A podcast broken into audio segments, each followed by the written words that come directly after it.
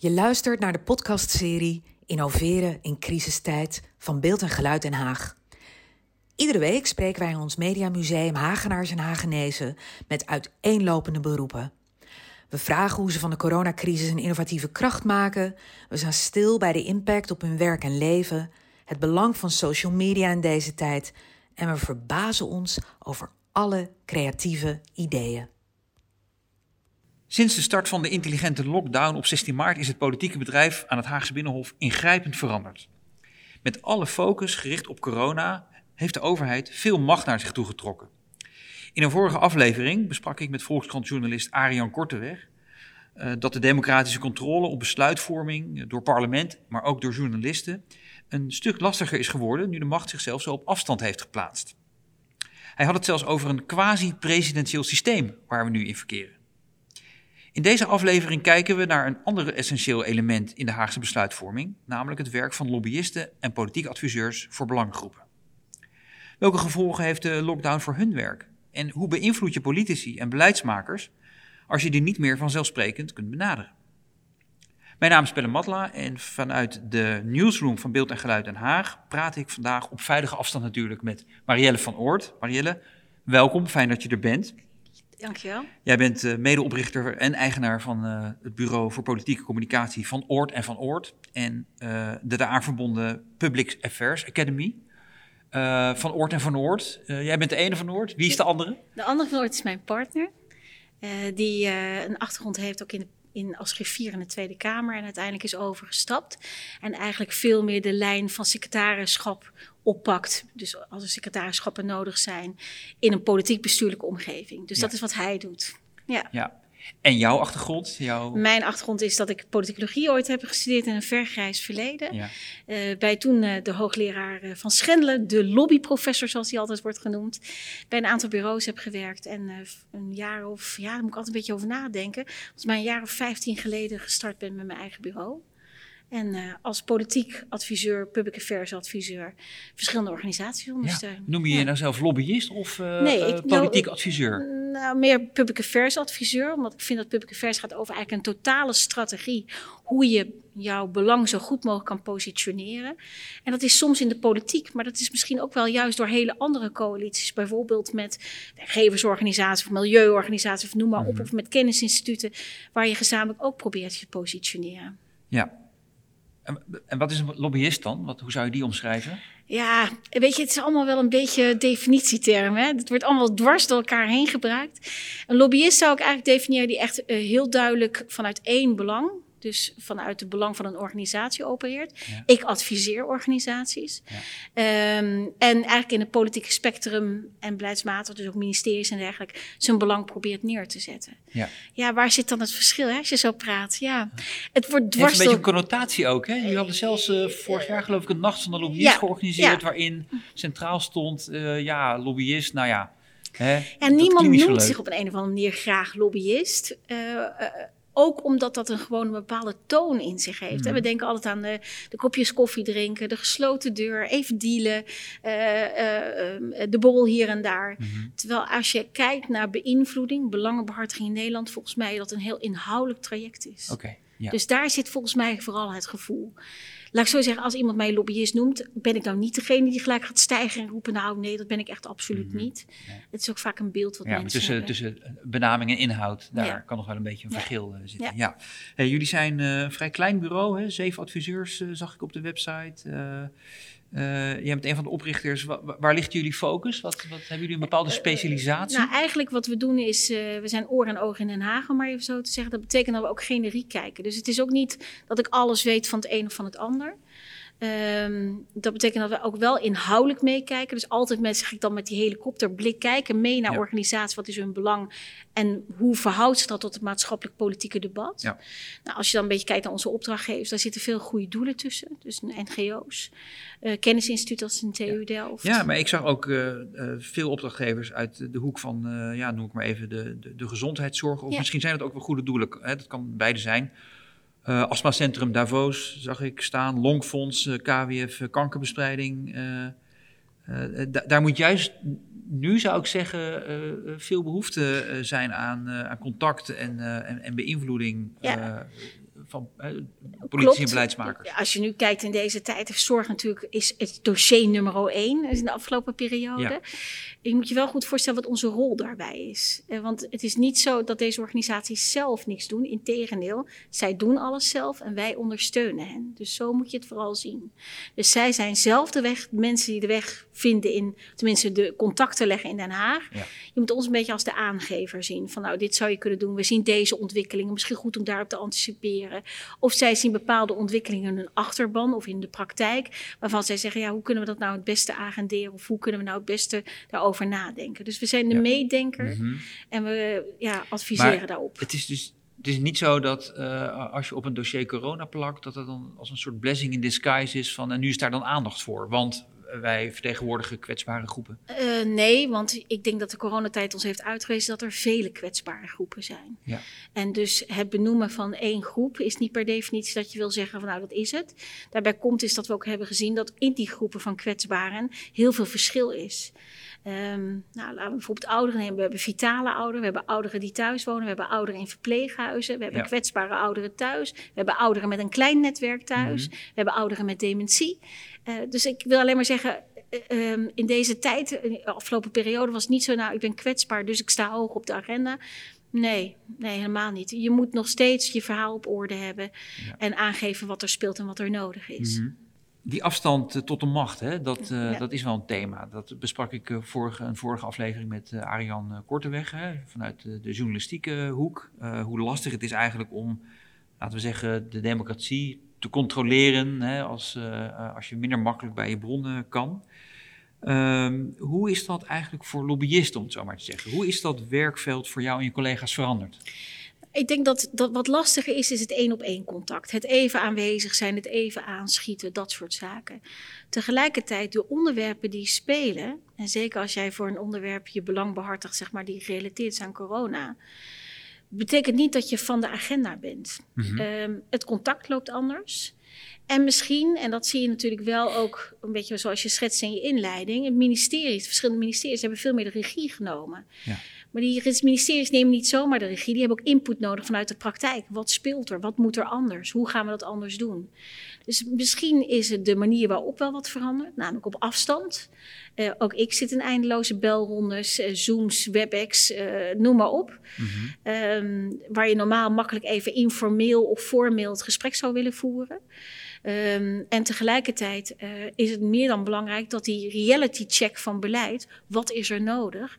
Zeker waar lopen mensen tegenaan? Misschien nog wel in zo'n crisistijd veel belangrijker is. Mhm. Maar die is dus niet per se dan uh, op het binnenhof te doen, die reality nee. check maar veel meer daarbuiten. En je ziet eigenlijk dat het, de regering heeft regie gekozen in deze crisis. Heeft aangegeven, wij informeren vervolgens en met, al, met, met het publiek met de persconferenties en de Kamer met de verschillende besluiten die we nemen. We laten ons leiden door het OMT. We laten ons leiden door de kennis.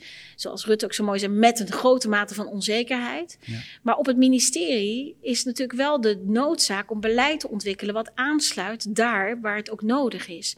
En dan heb je voortdurend het contact met het het veld nodig om te weten wat er speelt. Mm -hmm. En dat is eigenlijk wat je, waar de verschuiving in de afgelopen periode misschien wel heeft plaatsgevonden. Ik vind sowieso, hè, als je nadenkt over belangenbehartigen of lobby of hoe je het ook wilt noemen. Kijk, het ministerie is het meest fijne. Want daar mhm. wordt het beleid gemaakt. Daar kun je de meeste invloed uitoefenen uiteindelijk op de vorming van mhm. beleid. Mhm.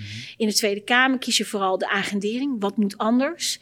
En kies je eigenlijk de mogelijkheden om bepaald beleid misschien wel bij te stellen. Ja. Nou, in deze fase zie je vooral dat beleid komt vanuit ministeries.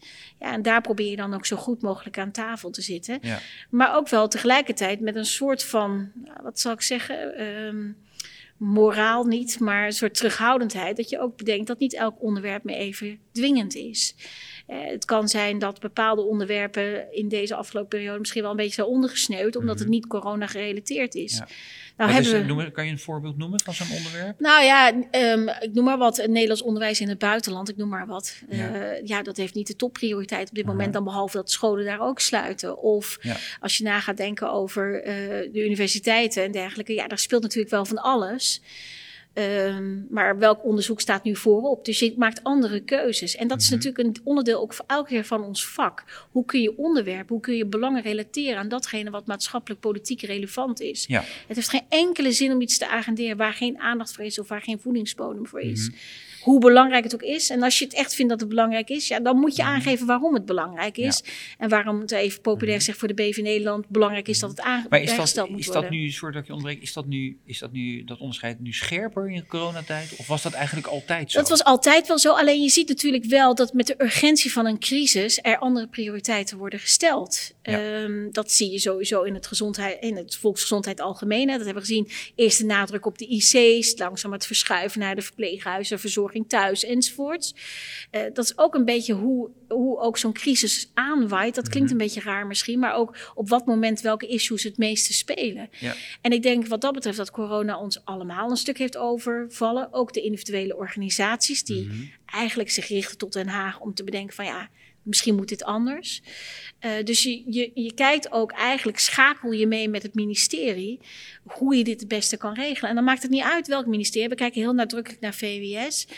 Maar denk ook eens aan, aan openbaar vervoer. Hoe ja, een NS, maar ook eh, grote vervoerders eigenlijk stil zijn komen te staan met alle Mhm. gevolgen van dien. Als het gaat over leefbaarheid. Eh, denk over de energietransitie die opeens indirect dan toch weer op de agenda komt door Ja. investeringen in wonen en eh, Mhm. dergelijke. Dus het is elke keer maar zoeken van hoe je daar je weg in kan vinden. Alleen, ja, er zijn hoge prioriteiten, er zijn lage prioriteiten. En hoe ga je daarmee Ja. om? Maar merk je nou vanuit, eh, vanuit jouw opdrachtgevers, hè, we, kunnen, eh, eh, we, hebben, we hebben gezien in welke hoek die zitten. En ik begrijp ook een belangrijke opdrachtgever is ehm, de, de KBO, eh, eh, PCOB. voor- Daar ben ik hoofdbelangenbehartiging, eigenlijk Precies. gedetacheerd. eh, leg even uit, wat is Ja. dat? KBO PCB is een, eh, is een van de grootste seniororganisaties van eh, Nederland. Ja. Zo'n 250.000 leden, Mhm. 800 afdelingen lokaal. eh, die zich eigenlijk eh, de, de stem van de senioren vertegenwoordigt. Ja. Naast een aantal andere seniororganisaties. En in de afgelopen periode ja, was dat voor mij wel een groot dossier. Eh, alleen al van wat er op ons afkwam, zeg maar. Mhm. Eh, maar waar je ook voortdurend eigenlijk wikt en weegt van ja, wat is er nodig? Ja. We zaten al lang aan tafel om thema's als het pakt ouderenzorg, langer Mhm. thuis, noem maar op. Mhm, mhm. Maar alles krijgt een andere annotatie met die coronacrisis, waardoor je ook meebeweegt van ja, wat is er nodig? Maar hoe is die, de, zeg maar, de, de, de, vraag vanuit die organisatie eh, met coronatijd, hoe is die eh, veranderd? Zeg maar? is, is er urgentie gekomen? Is de, voel je een, bijvoorbeeld een grotere druk om, om nog preciezer eh, op het ministerie eh, hun belang te behartigen? Zijn de vragen anders? Kan je een verschuiving Ja, schetsen? natuurlijk. Ja. Kijk, als je, naar? als, je, als je kijkt naar eh, de stem van senior, die was goed vertegen, of is goed vertegenwoordigd in Nederland, laat ik het zo zeggen. Met Ja. het pact Ook in de ouderenzorg. politiek. Ja, maar in ieder geval beleidsmatig zeker. En daarmee ook in de politiek, want daar is een meerderheid voor.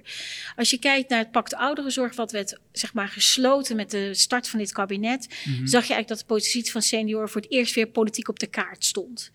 Nou, wat gebeurt er nu in zo'n coronacrisis? Je bent al eigenlijk heel lang onderweg met elkaar, dus met een heleboel andere organisaties, met het ministerie, met de politiek, om eigenlijk van dat pact ouderenzorg een succes te maken. Ja. Daar werk je zelf ook als organisatie aan mee. Dat is ook mijn rol daar. Eh, maar in zo'n coronatijd veranderen dingen. Eh, langer thuis wordt opeens een- iets heel anders op het moment dat massaal, eh, of massaal in grote getalen thuiszorg wordt afgezegd door ziekte. Mhm. Maar ook mensen zelf de deur niet meer open doen, omdat ze heel bang zijn dat ze besmet worden. Ja. Dus op dat moment ga je nadenken van ja, hoe kun je dat op een goede manier nou in kaart brengen. En een van de instrumenten die wij hebben ingezet is dat we een informatielijn hebben opgezet. Waarin we tegen alle senioren van Nederland, dus je hoeft niet per se lid te zijn of wat dan ook, hebben gezegd, meld nou eens ons, waar loop je nou tegenaan? Ja. Waar ben je bang voor? Wat gaat er nu anders? En die signalen namen wij voortdurend mee naar het ministerie, verschillende ministeries, om eigenlijk te aangeven, dit is de praktijk. Mensen snappen bijvoorbeeld niet, senioren, eh, niet allemaal, laten we het vooral niet generaliseren, hè, maar een van de signalen die we binnenkregen, hoe kan het dat eh, mijn huishoudelijke ondersteuning zonder beschermingsmiddelen binnenkomt? Ja, dat was de richtlijn. Mhm. Dus dat klopt. Maar tegelijkertijd zien dezezelfde senioren op het nieuws allerlei ja, hè, nieuwsfeiten voorbij komen. Dat dus besmettingkans heel groot is. Dat deze mensen overal in andere huizen ook Mhm. komen. Dus hoe zit dat dan? Dus nou, wat doen we dan? Met die signalen Ja. gaan we soms ook naar de beroepsorganisatie toe. Ook een, een, een Mhm. lobbyende partij natuurlijk Mhm. uiteindelijk. Dan zeggen we, oh, hoe zit dat nou? Hoe zien jullie dat? Eh, we overleggen met andere seniororganisaties. En we gaan kijken van, ja, wat kunnen we daar nou aan doen? Ook samen met het ministerie. Nou, dan komt er bijvoorbeeld uit dat het goed is dat er bijvoorbeeld richtlijnen gaan komen die ook duidelijk zijn voor senioren zelf, waar ze op mogen rekenen Ja. en waarom bepaalde beslissingen wel of niet worden genomen. Ja. Dus je zoekt met elkaar voortdurend in die crisis van wat popt erop en wat moet er opgelost Mhm. Ja, worden. ja. Want dat is wat een crisis doet als deze. En daarin zit je natuurlijk steeds in een spanningsveld eh, hè, met eh, bijvoorbeeld wat er in de media verschijnt. Ja. Nou, je ziet, eh, nou ja, dat is denk ik wel een goede. Je ziet natuurlijk een heleboel signalen in zo'n coronatijd, eh crisistijd voorbij komen. Ehm, wat uiteindelijk zelfs leidde tot de discussies: moeten we eigenlijk ouderen wel beschermen? Hè? Door hout eh, voorbij zien komen. Eh, discussie van Marjan Zwagerman.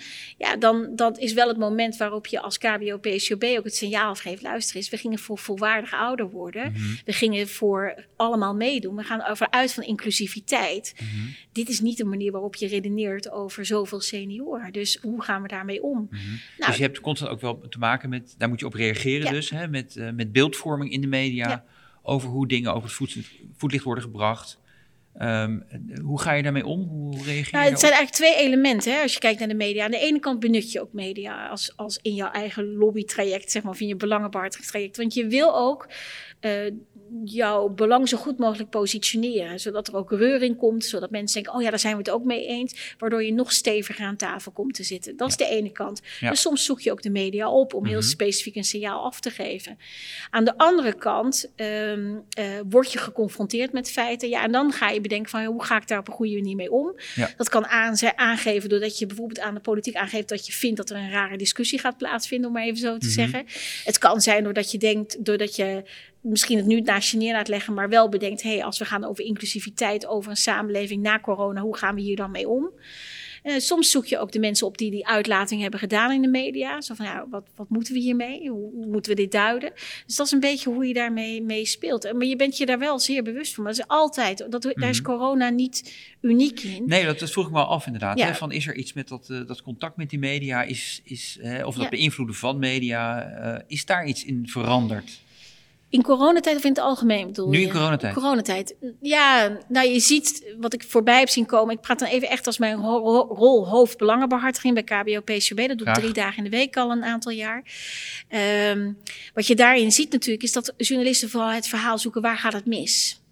Terwijl je soms ook als organisatie dat niet alleen maar naar buiten wil brengen. Je wil niet alleen maar die zielige senior die thuis zit enzovoort. Achter, de, achter, Je- achter, achter het, de eh, achter het raam en die kan alleen maar zwaaien, dat Precies, beeld. want ja. er zijn ook vitale ouderen die wel degelijk eh, zich heel goed hebben kunnen redden. CQ belcirkels hebben opgezet. Mhm. Mensen hebben weten te mobiliseren. Dus je kiest ook met elkaar van ja, wat doet die media? Die media zorgt in ieder geval dat je urgentie rond het issue blijft ontstaan.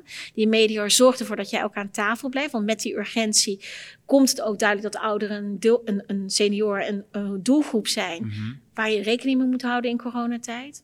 En tegelijkertijd denk je ook na over, ja, zijn we er altijd even blij mee en kunnen we een tegensignaal geven? En dan nou, schrijf een opinieartikel bijvoorbeeld. Hè. En een belangrijk voorbeeld daarvan was in het begin van de coronacrisis kwam er een discussie op dat 80 plus misschien wel niet meer op de IC mocht liggen. Aha. Nou, onze directeur heeft daar een eh, opiniestuk over geschreven. En dat leidde uiteindelijk tot in ieder geval een aantal gesprekken met de medisch specialisten, de geriaters, VWS, nou noem maar op. Mhm. Om uiteindelijk tot een richtlijn te komen waar, waar dan ook wij in dit geval als KBO PCB senior vragen om mee te denken. Ja. Over hoe dan de triage op een IC moet plaatsvinden. En dat leeftijd daar niet van belang is, maar de mate van kwetsbaarheid het belang is. Aha. Dat zijn ene voorbeelden. Ja, ja, ja, precies. Waar je heel duidelijk een koppeling ziet Ja, tussen hè, de belangenbehartiging en Ja, in de media ook. Zoals En, en daar ageren. kiest de directeur duidelijk een positie. Nee, dus ik, ben, ik ben ook daarin haar ondersteuner, om maar even Mhm. zo te zeggen. Zij is degene die het woord voert en daar Mhm. ook de leiding kiest. Maar je probeert eigenlijk met elkaar zo goed mogelijk, ook met de communicatieafdeling, met de perswoordvoerder, in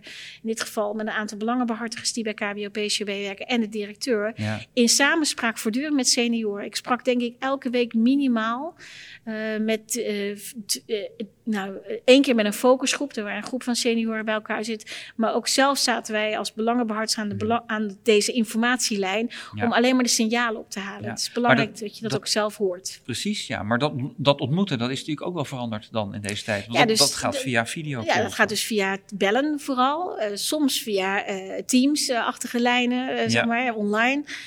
Maar ook dat is, vergis je niet, voor senioren niet altijd even makkelijk. Dus wat een van de elementen is, dat is misschien wel een mooi voorbeeld, Ja, is dat corona natuurlijk een heel erg zorgelement is gegeven. Maar wat duidelijk is geworden, dat de digitale kloof tussen jong en oud in sommige opzichten best groot is. Dus als Mhm. wij willen gaan nadenken over digitalisering van de samenleving en een digitale inclusie, inclusieve samenleving, mhm. dan hebben we nog wel wat te doen bij senioren. ja. En dat is zoiets wat je dan ook weer meeneemt naar het Mhm. ministerie toe. Van ja, waar moeten we post-corona over nadenken? Nou, dat is een van de elementen. Wa- Wat is het, het, het meest naar boven gekomen in waar senioren dan toch niet in die digitale samenleving kunnen meekomen? Nou, dat gaat eigenlijk over hele simpele dingen. Soms letterlijk het contact met familie en hoe doe je dat? Zo simpel. Dan kan je zeggen dat leer je, maar oké. Eh, maar ook bijvoorbeeld, om een voorbeeld te noemen, kreeg ik op een gegeven moment iemand aan de telefoon. Die zei, ja, ik moet naar mijn huisarts toe een foto sturen in mijn digitale dossier, omdat ik een plekje op mijn huid heb. Mhm. Maar ik mag niet op de, in, de, in de praktijk komen. Hoe ga ik dat doen? Toen zei ik, dat is een hele goeie. En mijn kleinzoon mag niet komen. Dus Mhm. vertel het me maar. Dan Mhm. merk je pas hoe ingewikkeld dat is. Ja. Sommige mensen hebben hun bankzaken ook nog steeds niet digitaal. Mhm. Doen dat liever op Toch een andere niet. manier. Ja. Ehm, en we denken dat we heel digitaal inclusief zijn. Hè? Dat zijn we ook. Ik denk dat een heleboel senioren echt, laat ik dat voorop stellen, een heleboel kunnen. Maar er is ook een groep die wat minder Ja. kan. Nou, daar komt dan iets uit naar voren. ja, dat lijkt me toch een belangrijk signaal naar de Alliantie. Digitale Samenleving. eh, Bijvoorbeeld, bijvoorbeeld. Maar ook naar een ministerie, hoe ga je daar op een goede manier mee om, zeg Ja, maar. ja. Ehm, ander voorbeeld, laat ik eens over nadenken. Ik probeer een beetje naar een ander dossier ook te kijken. Als je kijkt bijvoorbeeld naar... ehm, ehm, ja, moet ik even nadenken. Eh, ja, een thema als openbaar vervoer bijvoorbeeld. Wat houdt dat in? Wat betekent urgentie? En Mhm. hoe ga je dan om met uiteindelijk eh, vervoerders die op dit moment echt tegen de klippen aanlopen? Hoe ga je daarmee om? Hoe ga je Mhm. zorgen dat er een borging komt op de lange termijn? Ook zoiets waar je goed over moet nadenken. Preventie wordt heel erg belangrijk. Ander dossier waar ik mee te maken heb, zeker waar Mhm. mijn collega's mee te maken hebben. Hè, eh, leefstijlproblematiek en corona. Dat was in het begin nog helemaal niet aan de orde. Dat komt nu Mhm. steeds meer naar boven toe. Ja, wat betekent dat over leefstijlinterventies, over gezond leven, Mhm. over vitaal ouder worden? Dat zijn allemaal thema's die eigenlijk opnieuw weer terug op de agenda komen. Die er al stonden, of die een nieuw elan krijgen, of een nieuwe urgentie krijgen. Waar je eigenlijk op probeert door te schakelen. En vergis je niet, op dit moment zitten we ook nog in de voorbereidingen van de verkiezingen. Dat is een traject waar denk ik elke lobbyist mee bezig is. Zeker. Mhm. Best complex. Mhm. Eh, de wereld staat op zijn kop. Economisch gezien is het zeer de vraag hoe we eruit komen. Ja, dus dat sturen op lange termijn, dat wordt dan toch wel een uitdaging, denk Ja, ik. eh, waar je normaal, ik, ik, een aantal opdrachtgevers ook die bij wijze van spreken al een, een, een inbreng klaar hadden liggen en hadden verstuurd naar programmacommissies, die nu toch wel een herziening daar ook, hè, Ja. een andere context daarop hebben gegeven, wat soms de urgentie niet minder maakt, maar zelfs nog urgenter. Mhm. Ehm, maar wat ook best wel complex is, want Ja. waar stuur je als politieke partij op? Ik probeer dan even aan de andere kant van de tafel te zitten. Dan denk je, ja, waar, waar ga je nou op inzetten? Mhm.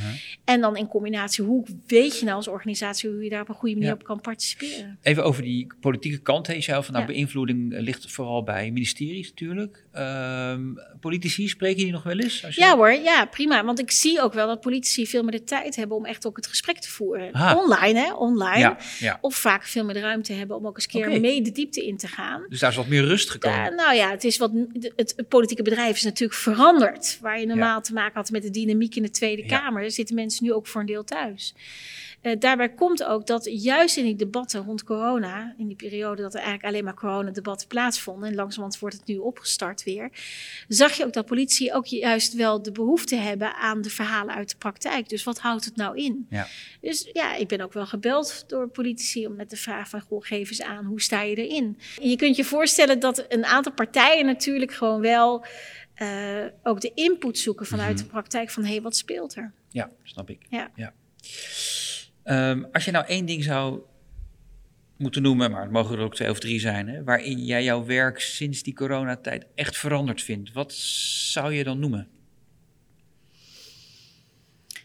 Ik vind, oeh, dat is wel een ingewikkelde. Ehm,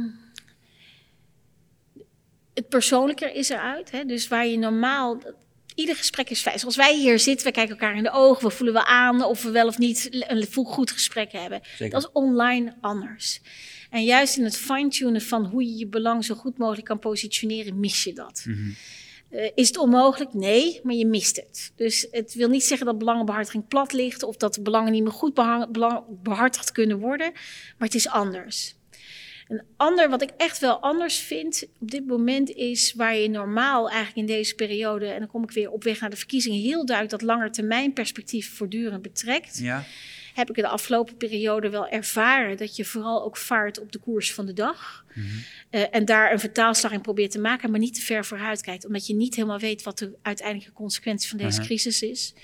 Eh, maar ook, ja, wat komt er nog op ons af? Ik was toevallig vanochtend in overleg dat iemand zei... ja, als er een tweede piek aankomt in het najaar... waar staan we dan economisch gezien? Mhm. Ja, een hele goede vraag. Dus Ja. je merkt dat je meer misschien vaart op de waan van de dag. Het klinkt wat fout, maar in ieder geval wat meer op kortere termijn dan op de echt enorme lange termijn. En tegelijkertijd durf, moet je ook nadenken over wat na deze crisis. Want er komt straks een nieuw kabinet die ook Mhm. na deze crisis wel moet nadenken Ja. over waar prioriteiten moeten liggen. Ik las een stuk eh, op adformatie eh, van een collega van jou, Peter van Keulen van Public Matters. En eh, een opiniestuk. En die, die schrijft lobbyisten in crisis, of lobbyen in crisistijd een moment om het verschil te maken. Ja. Ben je het met me eens? Ja, ja. In welk opzicht? Nou, omdat ik geloof dat je het verschil kunt maken over wie je bent als partner. Ehm, dit is het moment om te tonen waar je, jij als organisatie bent. En dan kijk ik even vooral naar mijn opdrachtgevers, wie zij zijn als organisatie. Om als partner van een minister, een departement, een po- de politiek, maar ook een heleboel andere partijen. eh, zich te positioneren als de meedenker, de, ge- de aanjager, de inspirator, de nek durven uitsteken. Dit is het moment waarop jouw DNA naar voren komt. En dat deel ik wel. En misschien is het ook wel goed om even aan te geven. hè, We praten altijd over ministeries en we praten over politiek. Maar een deel van onze lobbyactiviteiten, laat ik toch maar het woord noemen, is ook vaak gericht op het bouwen van coalities. Om te Mhm. kijken waar je met elkaar ook het verschil kunt maken. Ja. Kunnen we nu met elkaar aan één tafel zitten en te bedenken wat wij kunnen doen in plaats van dat we alleen naar de overheid gaan. Ja. En waar je ook partijen vindt die daar ook een stukje financiën aan kunnen bieden, waar je zelf aan kunt bijdragen. Dus dit zijn eigenlijk de momenten waarop je, ja, ik zou bijna zeggen, je DNA als organisatie, ehm, ja, je misschien wel heel goed kan etaleren. Dus ja, dat deel ik absoluut. Ja. Marielle, dank voor je komst. Graag gedaan. Fijn dat je er was en ons inzicht gaf in het, eh, in het werk van eh lobbyist of politiek adviseur in coronatijd. En ik wens je uiteraard heel veel succes. Luister iedere donderdag naar een nieuwe podcast op alle social kanalen van Beeld en Geluid Den Haag.